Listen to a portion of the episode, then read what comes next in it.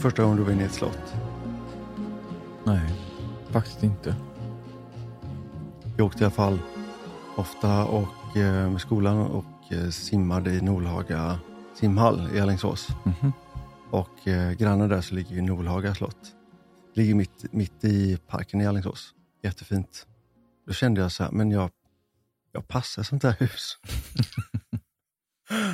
När det är lite högre i tak och lite större och lite så här. Du menar så att ditt ego får plats? Mitt ego får plats. Mm. Men du måste ha något minne. Jag vet, du har berättat för mig. Nu minns jag istället. Jaha. Du berättade för mig att när du åkte skolbuss. Men jag var ju inte inne och det var ju inte ett slott. Det var när jag bodde i Säve och skulle ta bussen till Kärra där jag gick i skola. Det här var under högstadieperioden och då åkte man förbi ett, en gammal herrgård som heter Ellesbo herrgård som ligger på den gamla vägen mellan Kungälv och stan kan man väl säga. Och eh, där brukade jag hoppa av. Och sen gick jag in i den här trädgården och låtsades att jag bodde där. Och det här intresset ledde till att jag sen började sluka de här böckerna som fanns på biblioteket. På rasterna som hette Gods och gårdar i Sverige, tror jag de hette.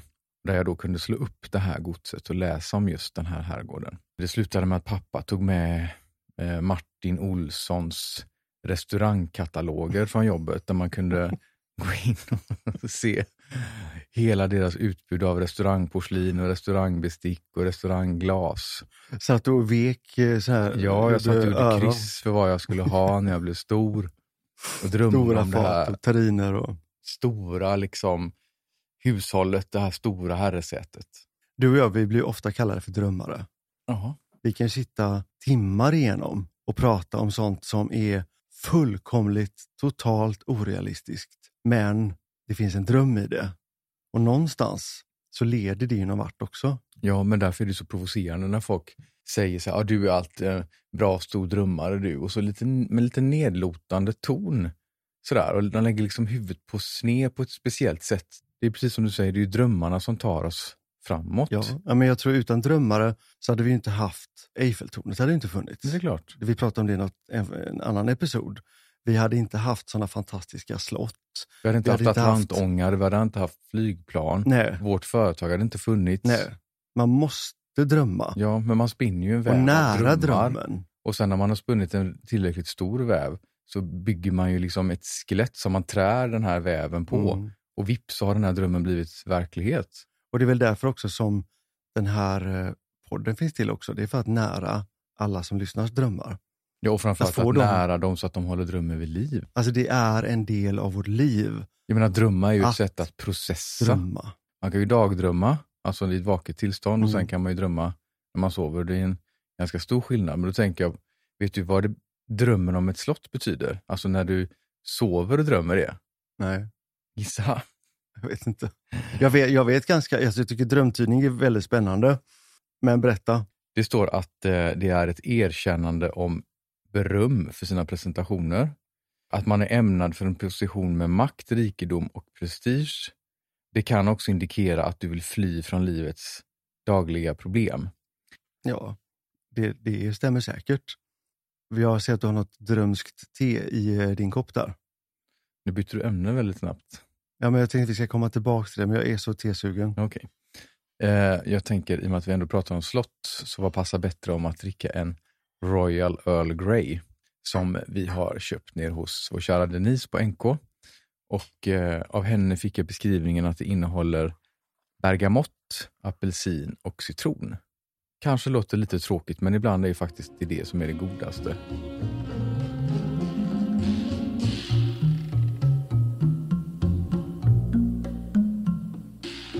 Ska vi inte fortsätta landa lite grann i det här med de här drömmarna? Mm. Att, att, att nära en dröm, det är ju verkligen något fantastiskt. Vad drömmer du om, Patrik? Jag tror jag har väldigt, väldigt stora drömmar. Av vilken anledning? Jag vet inte. Jag drömmer såklart om att vårt företag ska fortsätta växa. En plattform för allt som har med skönhet att göra. Och det kan ha, det behöver inte vara så begränsat. Tittar man hur man byggde hus förr till exempel, då var det ju faktiskt så att man designade allting som skulle vara i det huset. Mm. Det designades till huset. Mm. Och eh, fortsätter man att titta på men hur man drömmer idag så är det nog kanske att titta på lite grann hur man tänkte förr, men att ta in det i, i nutid och framtid Mm. och samtid. Mm. Som ett drömslott. Men det känns som att man byggde mer så förr. Jag tror det är därför vi har en sån enorm förkärlek för arkitektoniska stilar som sträcker sig fram till kanske ja, men 60-talet. Men tittar du på arkitekturen bakåt från 60-talet och bak till 1600-talet. Mm. Alltså alla de här stilarna och precis som du sa förut hur man byggde när man, när man liksom formade fram ett hus först i, i, i tanken, i fantasin, i drömmen och sen ner på pappret och hur man designade allt från fasaden till dörrhandtagen. Eh, möblerna platsbyggdes oftast, kanske inte hela möblemanget men delar av det. Känner Och det att- fortsatte ju faktiskt ända in i modern tid, ända fram till på 60-talet. Ja, men känner inte du att man, man drömmer bättre i ett sånt hus? Det är klart man gör. Tänk på skillnaden mellan att gå in i ett tomt hus Mm. som är byggt eh, de, någon gång de senaste 30 åren Mm. mot att gå in i ett tomt hus som är byggt vid sekelskiftet.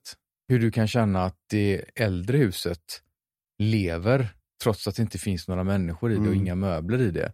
Men du kan gå runt och ta på sakerna Mm. och känna på dem och nästan smeka dem Mm. och känna att de har en energi, de har, de har någonting som bor i dem. Tänkte, Medan ett nytt hus är sådär, du kommer in och det är helt dött ja. och där det blir ditt ansvar att ge det liv. Mm.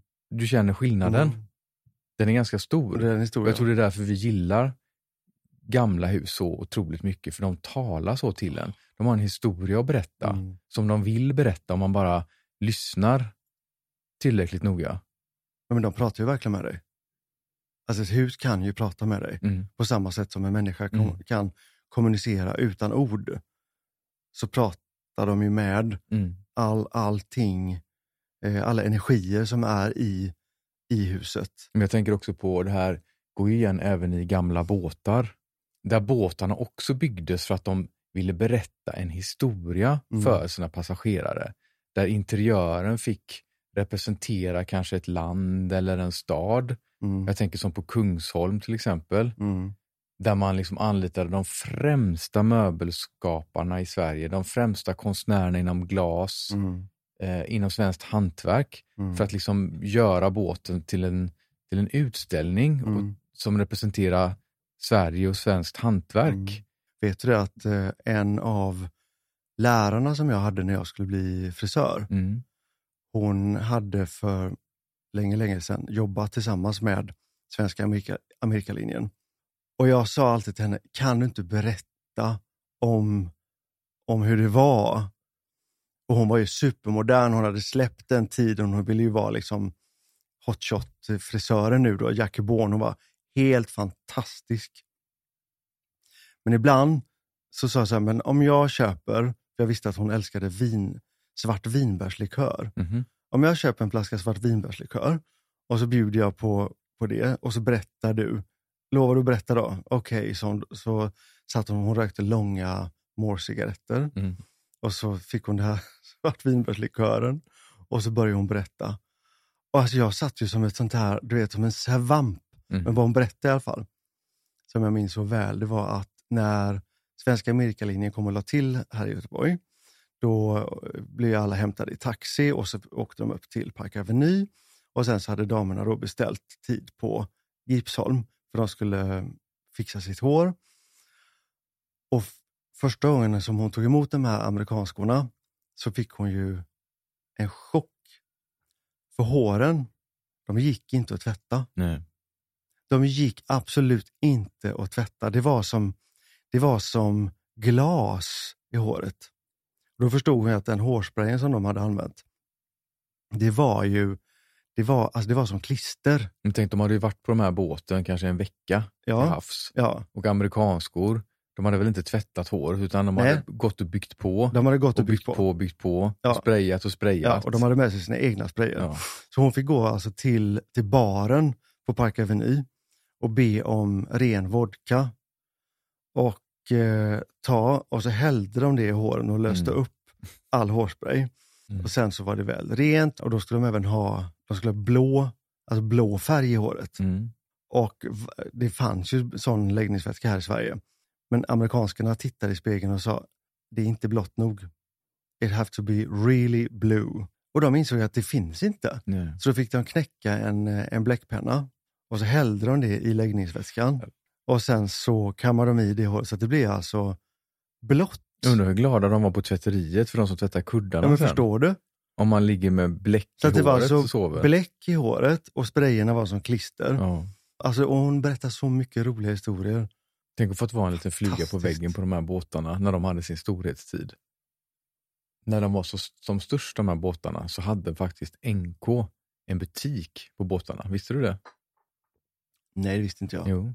Så man hade en NK-butik där man hade då ett urval från porslinsavdelningen och glasavdelningen så man kunde köpa svenskt konstverk och svenskt hantverk. Mm. Då fattar man vilken industri det där var och vilken fantastisk reklampelare ändå de här Mm. båtarna var för Sverige. Men det var nästan modernare då än vad det är nu. Ja. Vi har ju en, en stor hörnvåning i Göteborg och ena hållet så vetter det ut mot hamnen Mm, där båtarna låg. där båtarna låg. Ibland kan jag stå där och, så, och bara titta Mm. och då börjar jag drömma. Och så drömmer jag tillbaks och ser de här, de här vackra båtarna komma in i hamnen. Och idag ser man ju när en del av de här stora lyxkryssarna kommer in. Och jag minns särskilt i somras, då kom det in ett, jättefartyg. Och så har de ju då boxerbåt före och efter och de, de har ju sån här vattenfontän som sprutar upp för att det ska vara snyggt i hamnen när de kommer in och så. Men det är, alltså det är ju fint och pampigt, men det är ju ingenting. Nej. Jag, ty- det var då. jag tycker inte att det är vackert. Inte om du jämför med det gamla. Nej. Eh, Den här sista båten, Kungsholm, Mm, den senaste versionen av den, den låg ju här i Göteborg för bara några år sedan. Mm, Och det var någon, någon man som aktivt jobbade för att Göteborgs kommun skulle köpa den här båten och lägga upp henne som en, en museibåt Mm. i Göteborg. Som ett, ett exempel på en del av Göteborgs fantastiska historia som vi har just kring det här med Amerikabåtarna just det. och hamnen i Göteborg. Och det verkade ett tag som att det skulle gå vägen, men det gjorde ju inte det. Praktexempel tycker jag på ett politiskt haveri, där man först då inte hittar någon plats för henne i hamnen och sen så kommer det här med liksom att hur ska man ansluta henne till kommunalt vatten och avlopp och bara en massa praktiska saker som vi vet Mm. att man kan lösa. Hade kunnat lösa om man hade velat. Mm.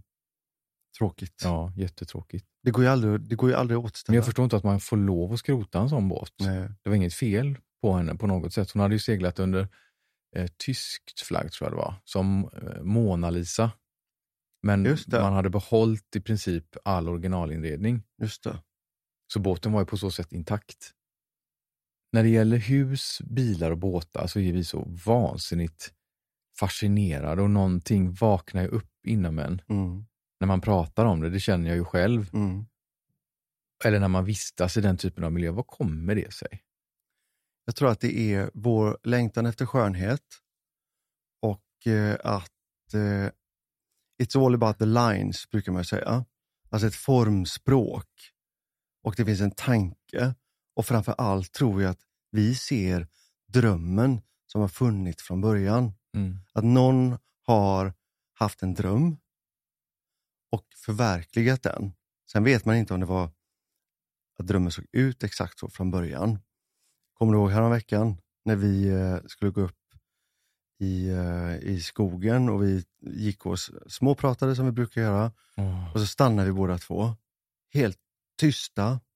Mitt framför oss på gatan så står det en Citroën. En Citroën Pallas DS från, vad kan det vara tror du? 62 kanske? Alltså när den lanserades var det ju en av världens absolut, absolut modernaste bilar. Det var nästan som en rymdbil tyckte Ja. man då. Där framlyktorna följde ju Rattens hur, rörelse. rattens rörelse, hur man svängde så följde de med. Mm. Eh, det bakre hjulhuset var ju dolt bakom en skärm. Eh, bilen är ju höj och sänkbar. Mm. Alltså det var så, det är typiskt fransmännen med det här lite humoristiska men Mm. ändå väldigt funktionella, praktiska som Citroën har i sitt arv. Jag tycker inte de gör några roliga bilar idag, men det de gjorde då Mm. var ju fantastiskt. Ja, den var så vacker. Så. Men där ser man också på lin linjerna där. Du kan göra två eller tre streck Mm, så ser man. så ser du vilken bil det är. Det måste väl vara det ultimata. Och då blir alltså jag blir helt varm i kroppen. Mm. Så om du skulle fråga mig vad min dröm i framtiden är så är det att eh, bo i ett slott någonstans i Frankrike och ha ett garage fullt med sådana här gamla vintagebilar. Och då är det ju Mm. också just vissa specifika modeller, bland annat just en sån här eh, Citroën DS tror jag den heter, Pallas och en eh, Mercedes eh, 600 Pullman Mm. Mercedes den här- 560. Men den här Mercedesen ni vet, som eh, John Lennon hade, som Elvis hade, som påven åkte runt i. Och du pratar om att jag har stort ego. Ja men alltså de är ju så vackra Patrik. du vill ha en bil som påven åker i. Ja men de är så vackra. Jag tycker det, det, det, är, det är ganska mysig liten dröm du har. Det. Ska du ha här gardiner också? Så att du kan liksom dra för. Ja, sådana här plisserade gräddvita där bak. Mm, tänker du också att jag ska köra den, den Ja, Pullman men du kan ha en sån här fin svart skärmmössa tycker jag, och vita handskar. Och så köra dig till eh, Carrefour in, in i, eh, i city. Ja.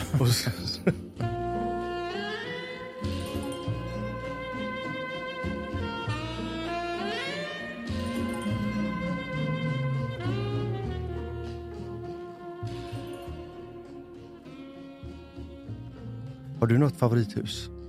ja, alltså jag har många favorithus, men ett som jag tänker på det är Villa Necci i Milano. I Milano. Som vi såg första gången i den här filmen I am love med eh, Tilda Ja, Swinton. Tilda Swinton, ja. Och vi bara satt hela filmen och undrade, men vad är det för ett hus de är i? För det första så var ju filmen i sig helt fantastisk. Det är väl en, ett modernt klassiskt mästerverk säger man. ja, den måste man se. Och eh, stylingen är helt magisk. Mm. Och eh, filmen utspelar sig i stora delar i det här huset hos den överklassfamiljen som bor där och kretsar väldigt mycket kring mamman och sönerna. Ja, det, det, det är i alla fall en otroligt vacker film. Men huset är i alla fall ett väldigt bra exempel på någonting som föds i, en, i skarven mellan klassisk stil och modern stil. Och det är byggt tidigt 30-tal av en eh, arkitekt som heter Piero Portaluppi som var ganska känd. Och eh, det var en väldigt rik, kanske någon av Italiens mest rika familjer som eh, anlitade honom för att bygga detta. Och då var själva briefen för huset var att det skulle vara ett, det låter lite hemskt faktiskt, men italiensk rationalism, fascistisk arkitektur och art deco i en blandning. Mm. Och han ritade ju alltså rubb och stubb. Och allt var hypermodernt med elhissar för fönsterluckor, eh, intercomsystem, ja. Men det var ändå liksom klassisk modern stil. Mm. Det ligger alltså bara några minuters promenadavstånd från eh, kärnan i Milano. Men så kommer man då till det här lugna, lugna villaområdet som är jättelummigt och fullt med gamla överklassvillor, lummiga trädgårdar. Så ligger det bakom en jättehög mur. Har du tänkt på att när, när vi pratar om det här och det området i Milano så tänker jag lite grann på villastaden i Stockholm Mm. och även på eh, ovanför Götaplatsen här i Åh. Göteborg. Så är det också det här området som Mm. heter eh, Det heter väl eh, Näckrosdammen. Lorensbergs villastad. Lorensbergs villastad heter det ja. Och jag minns, nu har jag inte Google här, men jag har för mig att det är 29 eller 39 villor som är byggda i samma stil. Nationalromantisk stil ska man väl kalla den. Och det har ju lite grann, där byggdes ju Ja, trädgården, huset. men det är precis i den skarven där. det är den skarven där. Där klassisk stil möter modern stil och drömmen om det moderna men ändå med det klassiska arvet. Och sen får vi inte glömma att det fanns en modern stil som etablerades redan på 20-talet Ja. i Bauhaus. Mm. Så att det är ju väldigt mycket som händer precis där. För det är så otroligt många stilar som samlas i en. Och det räcker att en stil dominerar lite i den här stilen så blir det mer åt det hållet. Ja. Då kan det se lite mer klassiskt ut. Mm. Men om det moderna tar över så blir det ju en, helt plötsligt en helt annan känsla. Mm. Men ändå så samsas alla de här stilarna och intrycken I en stil? Mm. Men det är väl det som gör att man tycker att den är så intressant också. För att den berör någonting, den är inte så självklar Nej. och du blir inte mätt på den. Nej. Vet du hur man känner igen sån här nyklassicistisk stil? Nej. Jag fick lära mig det i alla fall. Att de här stora fönstren som oftast finns, Mm. övre delen av fönstret har små spröjs. Ah. Är du med? Ja, Och även om du tittar på eh, privata, alltså enfamiljshus, just det. så är oftast andra våningsplanet har mindre fyrkantiga fönster. Ja, just det. Ofta spröjsade medan Mm. första planet Ja. är det oftast höga fönster som går ända ner till marken. Jag, du frågade mig förut vad jag, vad jag drömmer om då. Mm. Och eh, jag sitter och klurar lite grann på det. Okej. Och ibland när man tänker så kommer man inte på någonting. Men sen när man släpper så kommer det alltid poppande så här då. Då tänker jag så här, tänk att bo på Bjärtorps slott till exempel, på Västgötaslätten. Och sen så ringer man till eh, Dries van Noten och beställer hela sin garderob. Så att man har den här, den här konstnärsbohemen som bor i det stora slottet med överdimensionerade fönster och ytor och har en trädgård som är öppen för att ha både odling, att man odlar allt som man vill äta i och tillaga i köket. Och man har eh, bikupor och man har en örtträdgård som är, du vet, eh, att man kan få allt och vi kan då även odla växtextrakt så man har ett eget laboratorium och man har kemister och hittar plantextrakt. Mm. Hela den cirkusen. Men där har du kapslat in Ja, våran dröm. där är vår dröm. Väldigt ja. bra.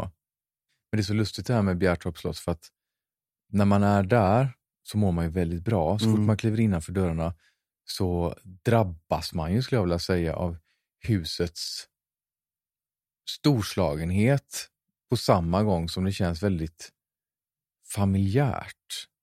Vi har ju haft en del eh, eh, vi, har, haft eh, jobbet ett par gånger när vi har haft, eh, vi ska brainstorma och ha lite roliga sammankomster, så har vi åkt dit och varit där. Mm. Alltså man trivs ju som du säger och man får mycket nya idéer och man blir förflyttad till en annan plats och det känns så otroligt härligt. Ja, men jag tror att huset är lite i blandning av nyklassicism och jugend, för det ritades ju av Ferdinand Boberg som ritade stadshuset i Stockholm. Ja. Så det förklarar lite av den här pampiga stilen, och även Mm. Villa Pauli på Djursholm. Mm.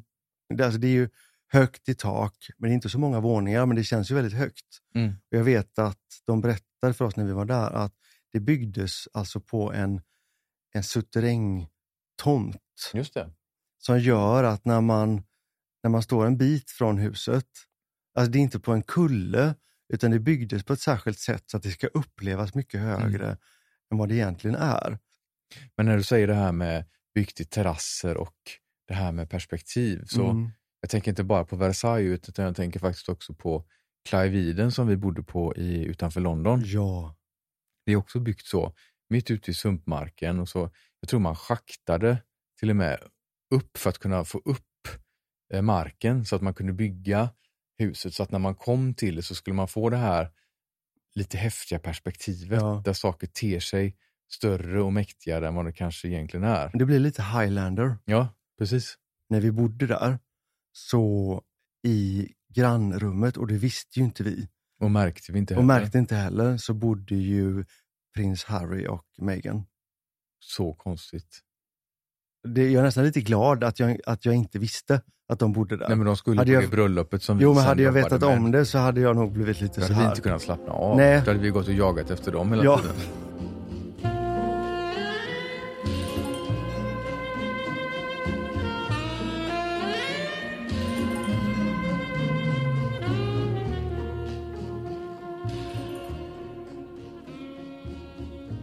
En eh, fantastisk kvinna som eh, du och jag gillar jättemycket, det är Iris, Iris Apfel. Ja. Och hon säger till exempel att det är väldigt stor skillnad på att vara alltså stylish och att vara modemedveten. Mm. Du kan lätt köpa dig till en moderiktig stil, Mm. men att vara stylish, alltså att ha stil, Mm. det måste du ha i ditt DNA. Mm. Så stil innefattar ju origina- originalitet och kurage. Mm. Alltså mod. Mm. Och att leva sin dröm kräver ju mod. Mm. Att våga drömma stora drömmar kräver ju mod. Och att våga klä sig på ett särskilt sätt, det kräver ju mod. Mm. Och att ha sitt hår eller våga ha som kvinna en stark läppfärg eller som män använda ögonskugga eller vad det än är, så krävs det ju mod. Det är lite grann det som vi alltid kommer tillbaks Mm. till. Men då är vi också tillbaka på det här med, med arkitektur och eh, båtar och det vi pratade om förut och Mm. design. Alltså att man, man ser ju på gamla hus, gamla slott, gamla herresäten så ser man ju modet Modet, ja. och man ser personligheten. Ta bara som ett, eh, ett, eh, ett lägenhetshus som byggdes sent 1800-tal, tidigt 1900-tal. Mm. Lägenheterna kunde vara likadana i planlösningen men de behövde inte vara likadana i sin, sin utformning. Nej. Det kunde vara olika typer av bröstpaneler, olika typer av kakelugnar, olika typer av tak. Mm. För att varje Mm. våning var liksom Unik. personlig och unik. Och det är ju Mm. där kuraget Ja. och modet eh, ter sig i sitt, eller får ett uttryck. ja, plus att det blir en stil. Medan idag där byggs de här enorma lägenhetskomplexen där allt ser exakt likadant ut. Mm. Det är helt opersonligt. Mm. Men då kommer man tillbaka till. Saknar fullkomligt integritet. Ja, men då kommer man till funktionalismen. Då, det, det, då kommer man till den här upphandlingen. mm. Att det är billigare att köpa 15 000 likadana toalettstolar. Men också kanske därför den, den riktigt, riktigt tidiga funktionalismen ändå är väldigt populär.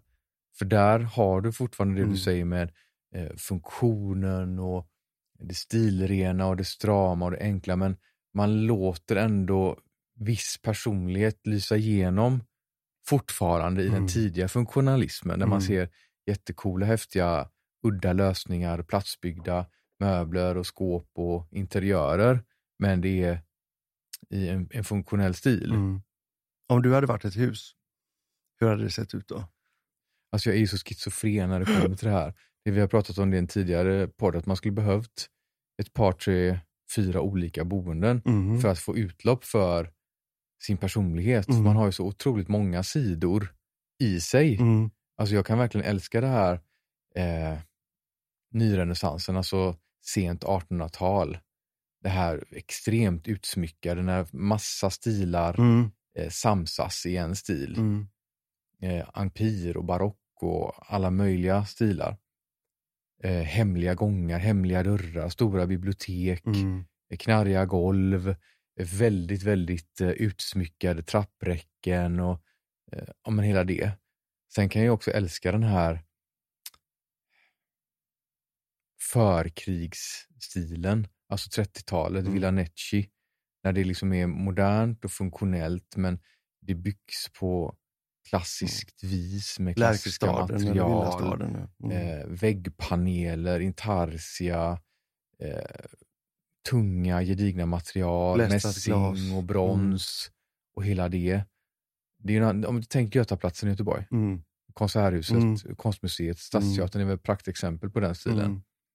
Jag kan gilla det också. Mm. Och sen kan jag verkligen, det låter lite grann som att jag eller vi inte gillar alltså dagens moderna stil. Men det gör vi ju när den är av kvalitet. Ja. Men man ser ju det så sällan. Men när man ser någon som bygger i modern stil fast med gamla, gammalt tänk och gamla traditioner i bakhuvudet, där liksom materialen man bygger med är av kvalitet, de väger någonting, de har en tyngd, de är gedigna, de är massiva. Där mötena mellan materialen är osynliga, där, där dörrposter går från golv till tak utan synliga karmar. Där rummen flyter in i varandra på ett sätt som inte känns konstlat. Där man har organiska lösningar så att man kan förändra sin planlösning lite efter humör och hur man vill använda den. Väggar som kan flyttas och vridas. Eh, ytterdörrar som är som ett enda stort block som vrids upp. Eh, där man också vågar uttrycka sig på ett konstnärligt sätt i den fasta inredningen. Man kanske inte bygger allting vitt, vitt, vitt, vitt, utan man jobbar ton i ton, man blandar sten och trä, olika material, eh, jobbar mycket med massiva metaller. Alltså det går ju att bygga ett hypermodernt hus, men som andas klassiskt på något sätt. Det är svårt att förklara. Ett sätt att förklara det skulle kunna vara om man tänker sig att man, man översätter ett, ett hus byggt på 60-talet i modern stil. Men man tänker sig att det skulle byggas idag. Då har man en stil som man tyvärr väldigt sällan ser i Sverige, men oftast i, eh, väldigt ofta i Los Angeles till exempel. Ofta tyvärr kanske i samhällen där det finns mycket pengar, så får man väl säga. För det kostar väldigt, väldigt mycket att bygga så. Mm. Det som var så fantastiskt med den här 60-talsstilen, om man övers, överför den på modern nutida stil, är ju hur man tänkte kring planlösningar. Hur jag ibland kan uppleva när jag ser en planlösning på ett hus från 60-talet så känns den mer modern än hur vi bygger idag nästan. Där man har i köket fanns det oftast ett sopnedkast eller en direktanslutning till, till avfall. Eh, väldigt ofta en tvättstuga ihop med köket. Sovrummen låg oftast som man tänker sig att det var en, en mastersvit med ett sovrum, öppet dressingroom, lösningar som, som gjorde så att man kunde leva ett eh, och leva och röra sig mer organiskt i huset, så som en dag ser ut. Att man går upp ur sängen och så går man in i sitt badrum och så går man in i sin garderob och så kommer man ut i köket. Alltså ett, att man tänkte mer på hur människan lever och hur flödena går. Det kan jag uppleva att man har helt förlorat på sättet som man bygger idag. Jag håller med dig. Jag, jag tror till och med så att man skulle, man skulle till och med kunna göra ett experiment av det här. Om man hittade ett sånt 60-talshus Mm. och, och att man renoverade det så att det såg nutida ut så skulle man nog kunna lura i princip vem som helst att det här var nybyggt idag Mm. med framtiden i Ja. åtanke. Exakt så. Verkligen. Kommer du ihåg när vi har varit ett, ett par gånger på, på Stockholms slott. Och där är ju också det här gammalt. Det är väl typ det renoverades väl på typ 30-talet eller någonting. Och det ser likadant ut och badrummen är ju så överdimensionerade. Och med stora termometrar. Jag tycker nästan det ser lite läskigt ut. Jag menar, alltså, det ser ut som en... Det Som måste en ju varit film som är... überlyxigt då, men det känns ju som en institutionsliknande inrättning idag. Men jag tänker på de här kryssvalvstaken och sen den här stora emaljkaren Ja, och den här jättekar. kvicksilvertermometern som sitter fast på Ja, det är den jag tycker är läskigast. badkarsblandaren. Ja, precis. Men jag tycker ändå det är fantastiskt att, det, att få lov att vara orört. Mm. För det funkar. Det funkar, det, går, det ju- det går inte att bygga det bättre idag. Nej. Alltså jag tänker på det var så roligt när vi var där sist. Vi skulle hjälpa en, eh, en gäst som skulle på ett av kalasen. Och vi sitter och väntar och väntar och väntar och så frågar vi, ursäkta men klockan går, vi får ganska lite tid nu. Ja men hon, eh, hon sover och måste få sova. Och klockan gick och till slut så såg vi att det är 40 minuter innan det är dags för fest. Och så eh, kommer hennes assistent och säger att ehm, hon vet att ni är så duktiga och så snabba. Så att eh, 30 minuter räcker väl. För hår, makeup och klädsel. Och tiara. Och tiara. Så till slut så var det bara så här. Okej, fine Mattias, du får makea, jag gör håret och vi får göra allting på samma gång. Och sen så får vi hjälpa till med, med klänningen och alltihop sånt här. Efter 30 minuter var vi färdiga. Och Mm. då var ju håret uppsatt, tångat, utborstat, uppsatt med tiara, full makeup, smycken bestämda, klänningen på. Mm. Och hon skrattade och sa, gud vad ni är bra, ni är, ni är bäst. Eh, jag visste att ni skulle fixa det här så fort. Alltså göra på 30 minuter. Men då får du tänka att jag inte ens knappt var närvarande i jobbet. För att det enda jag tänkte på var var jag var någonstans. Och vilka Ja. som hade bott i de här avdelningarna genom åren. Ja, exakt. Och den här långa, långa korridoren med de här underbara namnskyltarna som stod utanför varje dörr. Mm. Där det stod eh, His or Hers Majesty bla bla bla och sitt namn. Man känner ju energierna av Ja. alla som har varit Och sen hon där som och vi, är. som vi hjälpte, hennes man berättade ju att han när han var liten bodde ju uppe på, vad var det han sa? Det fanns en våning till. Mm. Mm. eh, Med mindre rum. i- med mindre rum, i ett rum där uppe där han kunde se ut över hela Mm. Stockholms hamn och hela stan. Det är Och hur de häftigt. sprang och busade. Ja, så häftigt, Alltså det är så alltså. fantastiskt att Ja. få. Det känns som att man berörs av historiens vingslag på något Ja. sätt. det blir nästan lite svårt att ta in. Det går inte att ta in. Har du tänkt på att varje gång vi har varit på ett sånt uppdrag så är du och jag helt, man är helt slut Mm. samtidigt som man är helt, man är så upprymd Mm. så man vet inte riktigt vad man ska göra av den här energin. Varje gång behöver man landa. Mm. Man kan inte bara sätta sig på ett tåg eller flygplan eller en bil och åka hem utan man måste nästan sätta sig i en bar, ta ett glas champagne, prata igenom de här känslorna och Ja. älta det lite. Mm. För det är så mycket energi. Vilken tur att vi har det gemensamt, annars hade det säkert folk tänkt att man var knäpp i huvudet.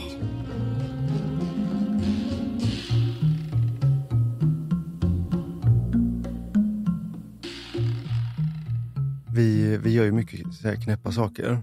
Och en rolig knäpp sak som, som du gjorde, du sa till mig, du eh, imorgon så eh, boka av det som du har bokat imorgon, för vi ska ta bilen och åka till Småland. Åka till Småland, så jag, vadå? Ja, nu vet jag vad du tänker på. Jo, vi ska åka och titta på en herrgård som vi kanske ska köpa. Ja. Och vi har precis startat vårt företag, vi hade lagt alla våra pengar, sparade pengar, allting hade vi lagt in i företaget. Som jag ångrar mig att vi inte köpte. Ja, men jag tittar på det, så, men hur tänker du nu? Vi har inte ett öre, vi kan inte köpa ett, en, en herrgård i Småland. Hade du bara Nu. velat Patrik tillräckligt mycket? Vilket fall som helst, det var inte bråket jag ville åt nu. Nej, men jag var ju tvungen att påpeka det. Ja. Du vill Nu liksom vill jag berätta om det när här vi åkte. för öppen ridå och jag tänker inte låta dig göra det. Vi åkte i alla fall ner till Småland, kom till den här herrgården som var fantastisk. Där var ju allting var kvar. Exakt, det kändes som att tiden hade stått still. Men den tickade ju alla boxar. Där tickade alla Varje boxar. gång vi klev in där så trodde vi att nu kliver vi igenom någon sån här magisk portal och Mm. slussas tillbaka hundra år i Och tiden. det doftade sådär gott och vi frågade när, när renoverades det? För det ser helt nymålat ut, alla trappor, alltså allt, allt, allt. Allt var perfekt skick. Nej, det är inte nymålat. Det är, alltså det är, det var så god kvalitet i allting och färgsättningarna så var så fantastiska. Och nu är det ju snart jul och jag tänkte på den spisen som stod i köket där. Alltså det var den största Husqvarna gjutjärnsspis jag någonsin har sett. Och det är inte konstigt för det var också den största gjutjärnsspisen enskilda som Husqvarna har levererat till ett privathushåll, fick vi veta av den dåvarande ägaren. Som till och med hade haft Husqvarna där bara för att få dokumentera den. Just det. Och då berättade de ju också för oss att när man har en sån stor spis så måste den ju vaktas. Mm. Så de, de har startat igång den tidigt på morgonen och sen då skulle det lagas mat under dagen eller bakas i ugnarna. Så var ju någon tvungen, eller några tvungna att stå vid spisen. Och det är därifrån det uttrycket kommer, stå Ja. vid spisen. De har ju inte fattat. Nej. Men det är klart att det var ju liksom som att sköta vad som helst som behöver liksom översyn 24 timmar om dygnet. Mm. För när den väl var tänd så skulle den ju hållas tänd. Exakt. Man förstår att man var ju tvungen att planera måltiderna på ett helt annat sätt. Mm. Därav stå vid spisen. Så otroligt. Alltså idag kan du planera att du ska ha en rykande färdig middagsmåltid på bordet om kanske i, i värsta fall på en kvart, men i normala fall säger vi 30 minuter då. men förstår du varför, Det kunde man ju inte då, men varför ska man ha så bråttom idag hela tiden? därför att man har så mycket annat man vill hinna med. Men ändå så vill ju alla, alla jo, men vill tänk dig sänka den pulsen. stackaren som stod då vid spisen. Vad tror du hon har med allt det som du hinner med idag? Hon, det kanske var en han. Eller han? Tyvärr var det nog säkert Ja. en hon på den tiden. Jo, men jag tänker det enda, vi, det enda vi pratar om idag är ju, var i nuet, sänk pulsen, fokusera på en sak. Mm. Och det var ju det man gjorde Mm. förr egentligen. Men tror du inte att det är det vi också längtar tillbaka till när vi vill ha ett hus som representerar den tiden? Jo. Det är liksom det långsamma livet, det långsamma lovet. Mm. Jag tänker, jag om man hittar tillbaka till det här som vi var inne på med den här herrgården, just hur fantastiskt det var. Allting stod ju kvar i skåpen som hade stått där Allt. sedan huset byggdes. Allt. Och uppe på vinden när vi var uppe och Mm. kikade så hängde ju till och med personalens kläder Ja. kvar med eh, mässingsknappar som var präglade med herrgårdens typ vapen. Ja. Och sen en hel garderob med hennes fruns pälsar. Och då frågar vi så här, vem, vem var frun? För det var verkligen, det var verkligen excentriska saker. Mm. Och då började de berätta om frun på herrgården. Mm. Hur excentrisk hon var. Hon levde väldigt eh, mycket själv. gillade att vara ensam. Hennes man var ju industrimagnat på pappersbruket som han ägde i Mm. den här lilla byn. Och hon hade i alla fall en liten, liten plats i trädgården där hon varje morgon skulle ha sin frukost. Mm. För precis där stod solen. Och sen skulle hon flytta sig och fortsätta sitt eh, dagliga arbete på andra platser. Men det viktigaste var i alla fall att varje dag, alltså varje dag, så skulle det komma en leverans från Åbro Bryggeri. bryggeri med färskt vichyvatten. Det fick inte vara dagsgammalt utan det skulle vara dagsfärskt som såg när tåget kom. Och då åkte de ner och hämtade leveransen och det skulle komma varje dag. Alltså sånt där finns ju Nej, inte idag. vilket liv. Vilket liv! Hon var nog inte så lätt du. Nej. Trädgården här också var ju anlagd av Rudolf Abelin som har gjort Norrvikens trädgårdar. Just det. Den var ju inte intakt som den var, tyvärr, när vi var och tittade på huset. Men själva stommen fanns ju kvar. Själva Mm. anläggningen var ju kvar. Mm. Så man hade ju kunnat, och det fanns ju, de gamla ritningarna fanns ju kvar också, så man hade ju kunnat återställa den om man Mm. hade velat. Med rosenbågar och rosenträdgård och eh, kryddträdgård och gångar och gud vet allt vad det var. Jag får nog faktiskt ge det att det var dumt att vi inte köpte det då. Vi vill ju något annat idag Mm. på ett sätt. Mm. Det kan jag hålla med om, men hade vi köpt det då så hade vi ändå hade haft det tio år. Mm. Och då kanske vi hade känt att men nu är vi färdiga med det här. Mm. Om inte annat så hade vi haft ett boende på eh, helger, lov, eh, haft Mm. ett boende som vi hade kunnat eh, införliva i vårt bolag, Mm.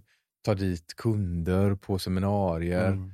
alltså i en annan typ av, en, en mer representativ Mm. miljö för varumärket. Men man får väl ändå tänka så här, det var väl inte meningen. Nej. Men det var ju den här som jag kallade för, byggt i den här direktörsstilen. Exakt. Alltså av en direktör för ett stort pappersbruk som har anlitat de bästa hantverkarna i trakten som inte vågar annat än att göra sitt bästa. Mm. Där allting är lite överdimensionerat, allt är massivt och det är byggt på tidigt 1900-tal, alltså då i en, en blandning av nyklassicism och jugend. Mm. Där allt är väldigt dämpat, massivt, alla dörrar är väldigt tjocka, alla gångjärn är väldigt stora, alltså allt är väldigt behagligt. Mm.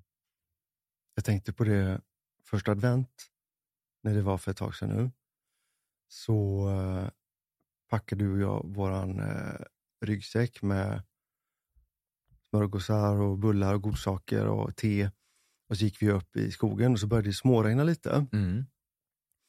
Och det är sånt där, här i Göteborg kan det ibland bli vissa eftermiddagar i just november, december innan snön kommer.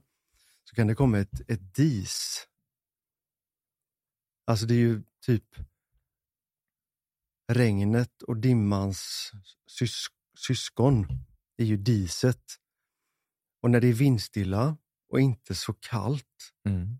så kommer ju det här diset. Mm. Och det är så vackert. Jag älskar det. Jag älskar det. Och då satte vi oss uppe i den kryddträdgården i Botaniska. Det var inte en människa ute nästan. Nej. Och det började bli lite skymning. Det är nästan det som är det bästa. Och diset kom åkande så här långsamt. Och så sitter vi där, häller vårt te. Och så sa jag så här, men vad är det för parfym som kommer i luften? Och du kände ingenting. Och sen säger du efter en stund, men gud, vad är det för parfym som... Men det är någon som har spelat parfym. Och sen insåg vi att nej men det är diset. Det väckte någonting i alla de här torkade krydd, kryddorna som stod i hela krydd, kryddträdgården. Men vi kommer fram till att det var någon fänkål. Det var fänkålen och sen så var det med flera andra, alltså de var ju typ två meter höga, som står då, alltså har torkat. Och diset väckte någonting. Men alltså för att beskriva den här Och då doften, fick man den doften som var, som är väldigt svår, men den doftar för det första varmt. ja, Så nästan om man tänker sig att man tar eh, varm mjölk och så häller man i lavendel, timjan och honung, honung. och kanske lite rosmarin. Mm. Och så var den ganska kraftig, kommer du ihåg det? Alltså den slog en nästan som en så Ja. här. Och, sen, och vi, alltså vi blev helt fascinerade av det här, så vi gick runt och började leta. Vad, vad är det som doftar så mycket? Och sen kom det några andra och, och gick upp igenom Och de gick ganska tysta tills vi hörde dem bara säga, men vad är det som Mm. doftar? Och de började också Men leta också runt där. fänkål. Ja, de sa också det, det måste vara någonting med fänkålen och allt det här. Och tänk då ha en sån kryddträdgård. Fattar du eller? När den till och med i december ger alltså en sån själslig krydda. Mm. Det var helt otroligt. Jag blir nästan ledsen när du säger så, vad konstigt. Det är en positiv ledsenhet. Ett vemod när jag tänker på tanken på att en parallell verklighet där man lever ett med naturen på något sätt. Så att när du sätter din fot utanför huset så har du det här vackra så nära in på dig. Mm. Och sen när du går in så har du det här fantastiskt vackra miljöerna och arkitekturen. Alltså man måste ju bli, tänker jag, en annan människa om man vistas i de här miljöerna hela tiden. Samtidigt så tänker ju många så här, men det där ska inte behövas för att bli en hel människa. Tvärtom, skala bort allt sånt. Men vet du vad? Då tycker jag lite grann så här. Att det är väldigt lätt att vara realistisk och prata så. Mm. Men då saknar man kryddan i livet. Fast Alltså- man kan inte säga att man saknar kryddan, för det vet man ju inte om de känner så. Man får ju säga att vi tycker att man saknar kryddan. Vi tycker att Precis. man saknar kryddan. Alltså jag älskar att krydda ganska mycket. Jo, det vet jag. Vi har också varit runt väldigt mycket i Frankrike och letat. Kommer du ihåg när vi var i ehm, eh, Le Mans Mm. och tittade på Malicorne, det slottet. Åh. Och det var ju det var väldigt, väldigt fint. Jag tror Vad var, det som gjorde, vad var det som gjorde att vi inte Nej, fastnade men jag skulle precis säga det? det att jag tror, jag tror att vi hade faktiskt köpt det slottet om det inte hade varit för all, Det var så det var. det var ju typ 20 uthus Ja, som var var byggda det. på 40-talet. tomten, Mm, inte bredvid men typ bredvid. Ja. ja, Och i Frankrike skattar man ju för alla hus som finns på tomten vare sig man bor i dem eller inte. Och det hade ju varit någon form av, eh, var det inte något sånt här kollo för barn från stan ja, under kriget. under kriget? Ja, precis. Så att det var ju väldigt mycket så här 40-tals, Mm. 50-tals arkitektur. Läskigt var det. Och man hade ju behövt riva Mm, det, alltihopa, Mm. och det är en jättekostnad. mm, Alternativt hade man fått, typ skissade ju lite på det att faktiskt bygga upp någon form av rörelse där också. Mm. Och så glömmer jag aldrig att, att det är väldigt sällan som ägaren själv visar eh, ett Mm. objekt. Det här var ett väldigt, väldigt tjusigt par. Men hon han var ju adlig. fransman. Hon var adlig. Ja, han var fransman. Nej, Hon, Hon var fransk hon var fransyska och och han var amerikan. Exakt. Så var det. Och han hade varit författare och skrivit massa så här militär Ja. litteratur. Mäklaren frågade oss precis innan då, är det okej att ägarna är, är med för de vill gärna träffa er? Absolut, sa vi. Men det jag inte hade riktigt tagit med i beräkningen, det är att de säger, nu vill vi även bjuda på lunch hemma. Ja, men vilken tur att hon sa det. Ja, det var tur att hon sa det. För vi ville ju inte det och jag Nej. fick fullständig panik och jag såg bara de här sardellerna dansa på faten framför mig. Jo, Och i gamla äckliga tallrikar och blä. ja. och så- Men, Men på många sätt så säger hon ju så här också när vi väl kommer in, jag hoppas ni tycker om ost.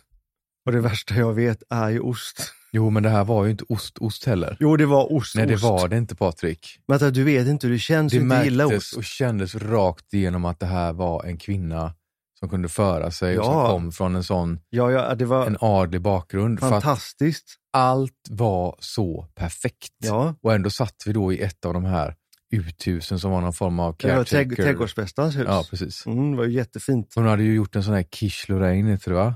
Det var var en ostpaj. Nej, det var en purjolökspaj, det var ingen ostpaj. Jo, det var ostpaj. Nej, ja, men det är ost i paj. Det var i alla fall hemskt att sitta och du vet, man får liksom stoppa en tugga i Men munnen vilka olika minnen vi har och så får detta. man svälja den. Det, här, Nej, så, så var det inte alls. Förstör inte den här fantastiska stunden. det var fantastiskt. Jag var så glad för att det blev, för det är det här vi kommer ihåg. Ja, Och det var ju liksom inte någon liten lunch, det var ju liksom typ förrätt, huvudrätt och efterrätt. mm, det var ost i allt typ. Och jag kommer ihåg, tog- jag tyckte, åh du vet när man nästan tycker lite synd Jag om vet, någon. man får lite ont i hjärtat. Men när man, vi kände ju ganska snabbt att det här kommer vi inte klara av att köpa. Det är för mycket. För stort. hade det varit bara det, bara det stora Ja, huset, då hade vi, hade vi gjort allt vi hade Ja, kunnat. För, men alla som, som vi inte visste om, alla, alla de Men hon då kom in med den här tårtan och vi hade den här insikten i ryggen Mm, som hon hade hämtat och Mm. specialbeställt hos någon konditor som de brukade jobba med. mm.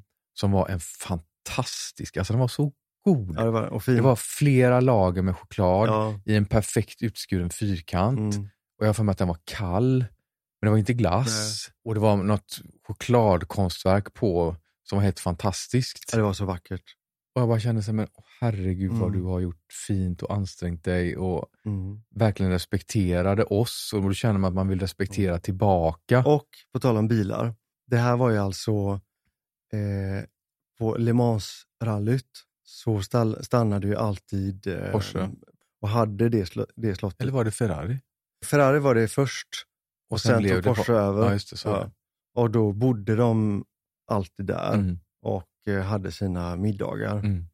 där också. Det var ju en enorm park, kommer du ihåg det? Mm. Som sträckte sig från vägen och ner till floden, Mm. Sän. Mm. Och eh, man fick gå en bra bit, så plötsligt så kom man ut på en, en stor, vacker, gammal, jag ska inte säga förfallen, för det var den inte, men den hade rejält med patina, balustrad, Mm. som var liksom en, som en liten plattform i, i betong och sten, där man tog emot de som kom sjövägen. Mm. Jättecoolt. Alltså det var så fint. Ja, så coolt. man kunde riktigt se när de hade liksom, tänka tanken när de hade roddtävlingar Mm. förr på sommaren. Mm. Eller när det kom fint folk från Mm. Paris som gjorde entré. Men man ser alltid bilder. Och det var också därför huset hade två framsidor. Just det. det hade ingen framsida och ingen baksida för att Båda var, man skulle kunna göra entré både från baksidan och från framsidan. båda var i framsidor. På samma resa så var vi och tittade på ett annat som mäklaren tjatade på som vi motvilligt gick med på att titta på. Mm. Det, kommer, det glömmer jag aldrig. Nej men det ligger fortfarande till salu och det är ett, själva huset i sig är ju ett fantastiskt arkitektoniskt underverk får man Mm. väl nästan säga. Mm. Som egentligen har allt man Mm. önskar av ett slott. Mm. Men när man Men- pratar energier då Mattias, Mm. de energierna som var i det slottet, det går inte att Men beskriva. det var fruktansvärt. Jag har aldrig haft migrän i hela mitt liv. Jag har aldrig mått så då. dåligt på en husvisning i hela mitt liv. Jag fick migrän. Det var något som slog, antingen var det någonting i huset med mögel eller svamp eller vad som Nej, helst. men jag eller tror att det var det många faktorer, för det var ju en, en rysk konstnär som bodde där, som var bedrövlig. De satt ju med täckjackor på inomhus för det var Och det kattmat. iskallt och de kunde inte ha värmen på. Och varenda rum var ju som att någon hade kastat in ett, ett sopberg.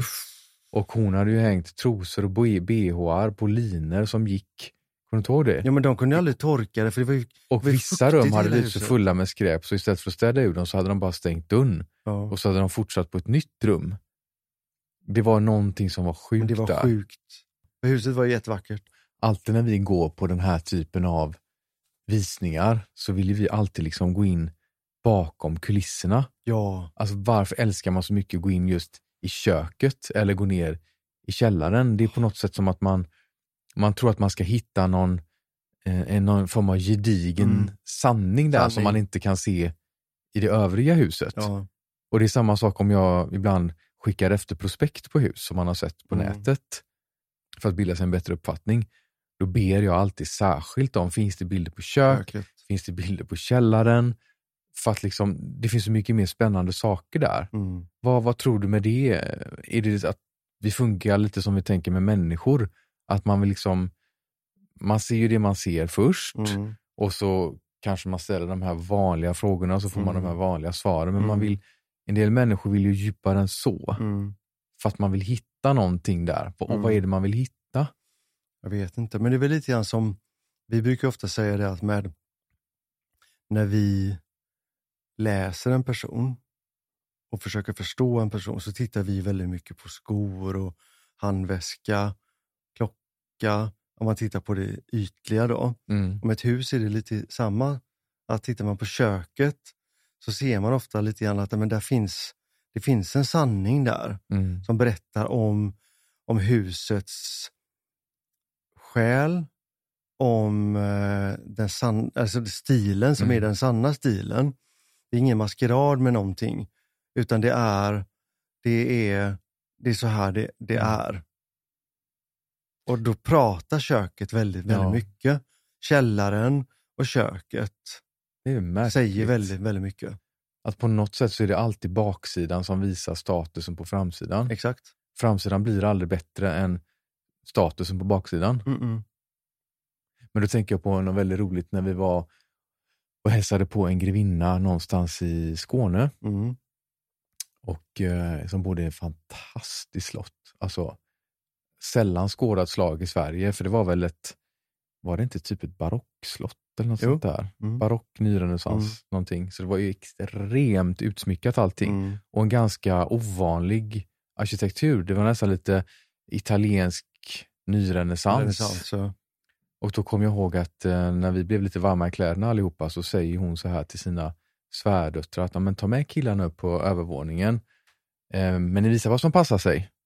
Mm. Och det enda jag tänkte bara då var, men jag vill ju se det Jag som vill se det andra." passar sig. men tänk vilket intryck Bakom den, eh, den visiten gjorde på oss. Mm. Alltså den, vi återkommer till den ofta, Mm. fastän det är nu säkert i tio år sedan. Mm. Det var fantastiskt. Mm. Men huset och människorna. Ja. Ja, Det är mycket om drömmar och mod och eh, kurage. Men framförallt att kuraget att hålla sin dröm vid liv. Mm. Och att drömmen har ju inget, inget slut och inget, inget eh, mål. Även om man då förverkligar vissa saker under resans gång så fortsätter ju drömmen. Den får ju aldrig slockna. Kom ihåg exakt den sägningen, för det var en väldigt bra sägning. Det har jag glömt som borde skrivas ner. helt och hållet. Kurage krävs för att hålla drömmar vid liv. Det ska jag hålla fast mig i. De gångerna jag känner mig ifrågasatt Mm, över att jag drömmer så mycket. mm. Det var väldigt, väldigt bra. Vad säger du Mattias? Ska vi eh, låta drömmen få, Få fortsätta. få fortsätta? Drömmar utan ord. Drömmar utan ord, drömmar utan slut. Drömmar utan jord. Nej, ord. Absolut.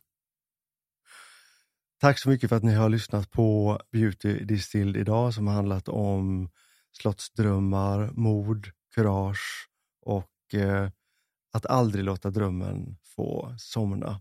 Sa du mord eller sa du mod? Mod, sa jag. Det hade nästan behövts ett litet mord när vi ändå pratar om slott. Ja, vi tar det nästa år. Ja.